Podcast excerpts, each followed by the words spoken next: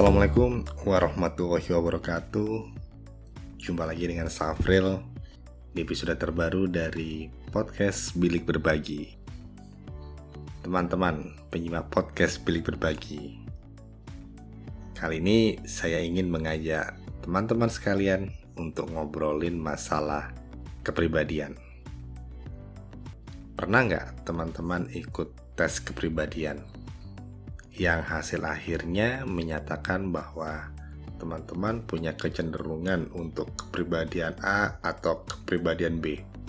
Paling mudah sih teman-teman akhirnya diletakkan di kepribadian ekstrovert atau sebaliknya teman-teman diletakkan di kepribadian introvert. Saya yakin teman-teman pernah atau mungkin teman-teman pernah mengisi kuis atau tes di internet, di Google, di sebuah majalah, sehingga akhirnya teman-teman, oh ternyata kepribadianku seperti ini. Pernah nggak? Saya yakin kita semua pernah. Tapi tahu nggak teman-teman kalau sebenarnya kepribadian kita itu nggak sepenuhnya bisa ditangkap atau dijelaskan lewat sebuah tes. Bukan berarti tesnya ini nggak valid, tapi tes ini tidak bisa didasarkan bahwa kita sepenuhnya memiliki kepribadian yang dihasilkan oleh tes tersebut. Jadi begini teman-teman, saya ingin mengajukan sebuah pendapat baru setelah saya membaca buku dari Benjamin Hardy yang berjudul Personality Isn't Permanent atau kepribadian itu nggak permanen. Jadi, Benjamin Hardy menjelaskan bahwa kepribadian kita itu sangat adaptif. Maksudnya apa? Kita sebagai seorang manusia, kita punya kelebihan loh dibandingkan makhluk-makhluk lain di mana kita bisa beradaptasi di sebuah situasi sehingga kepribadian kita menyesuaikan atau beradaptasi pada situasi tersebut. Jadi, misalnya gini nih. Kita masuk dalam kategori ekstrovert di dalam tes tersebut. Ternyata ada momen di mana kita sangat menikmati situasi yang biasanya orang-orang introvert menikmatinya. Paling gampang kita ambil contoh saya. Saya orang yang extrovert. Jujur seorang extrovert.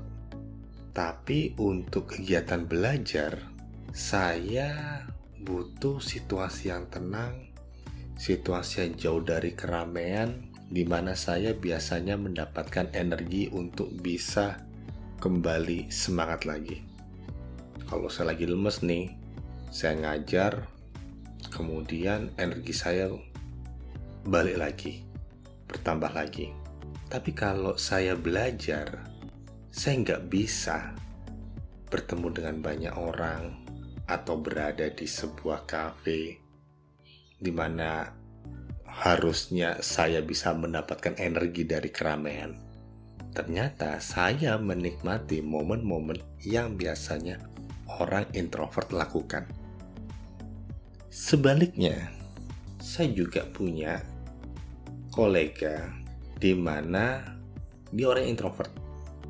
Tapi karena posisi dia adalah seorang pimpinan di perusahaannya, sehingga dia perlu melakukan public speaking atau berbicara di depan bawahannya, koleganya, kliennya dengan cukup sering. Ternyata dia bilang ke saya, dia cukup menikmati momen-momen dia berbicara di depan umum. Meskipun kalau dia pengen ngecharge energinya lagi, dia perlu menyepi sendiri menulis atau membaca buku. Itu momen dia untuk ngecharge energi tapi dia menikmati aktivitas yang sering kali dilakukan oleh orang-orang ekstrovert, public speaking.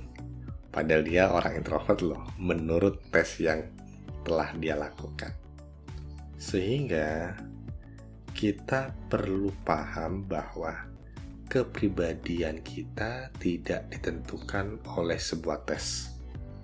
Kita nggak bisa mengklaim bahwa kalau kita termasuk dalam kategori ekstrovert, selamanya kita jadi orang ekstrovert.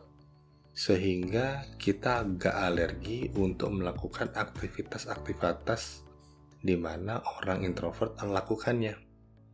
Sebaliknya, kalau kita sudah masuk nih berdasarkan tes tersebut, kita orang yang introvert.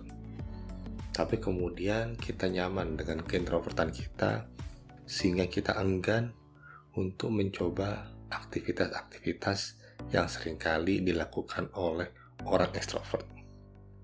Intinya adalah, saya ingin mengajak diri saya dan teman-teman untuk kita perlu berani keluar dari zona nyaman kita, keluar dari kepribadian yang telah ditulis dalam tes kepribadian yang kita lakukan. Tes tersebut tidak menjelaskan sepenuhnya diri kita, tidak menjelaskan bahwa diri kita adalah makhluk-makhluk yang siap beradaptasi dalam situasi apa pun, di mana kita diperlukan untuk melakukan hal tersebut. So, teman-teman, lakukan apa yang perlu teman-teman lakukan tanpa teman-teman terpenjara, terbelenggu oleh kepribadian teman-teman yang ditulis dalam sebuah tes.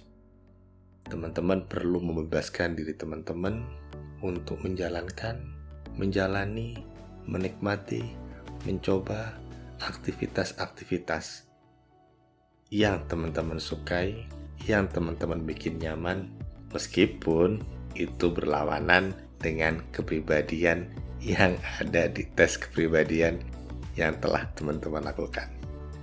So, nikmati kepribadian adaptif yang teman-teman miliki.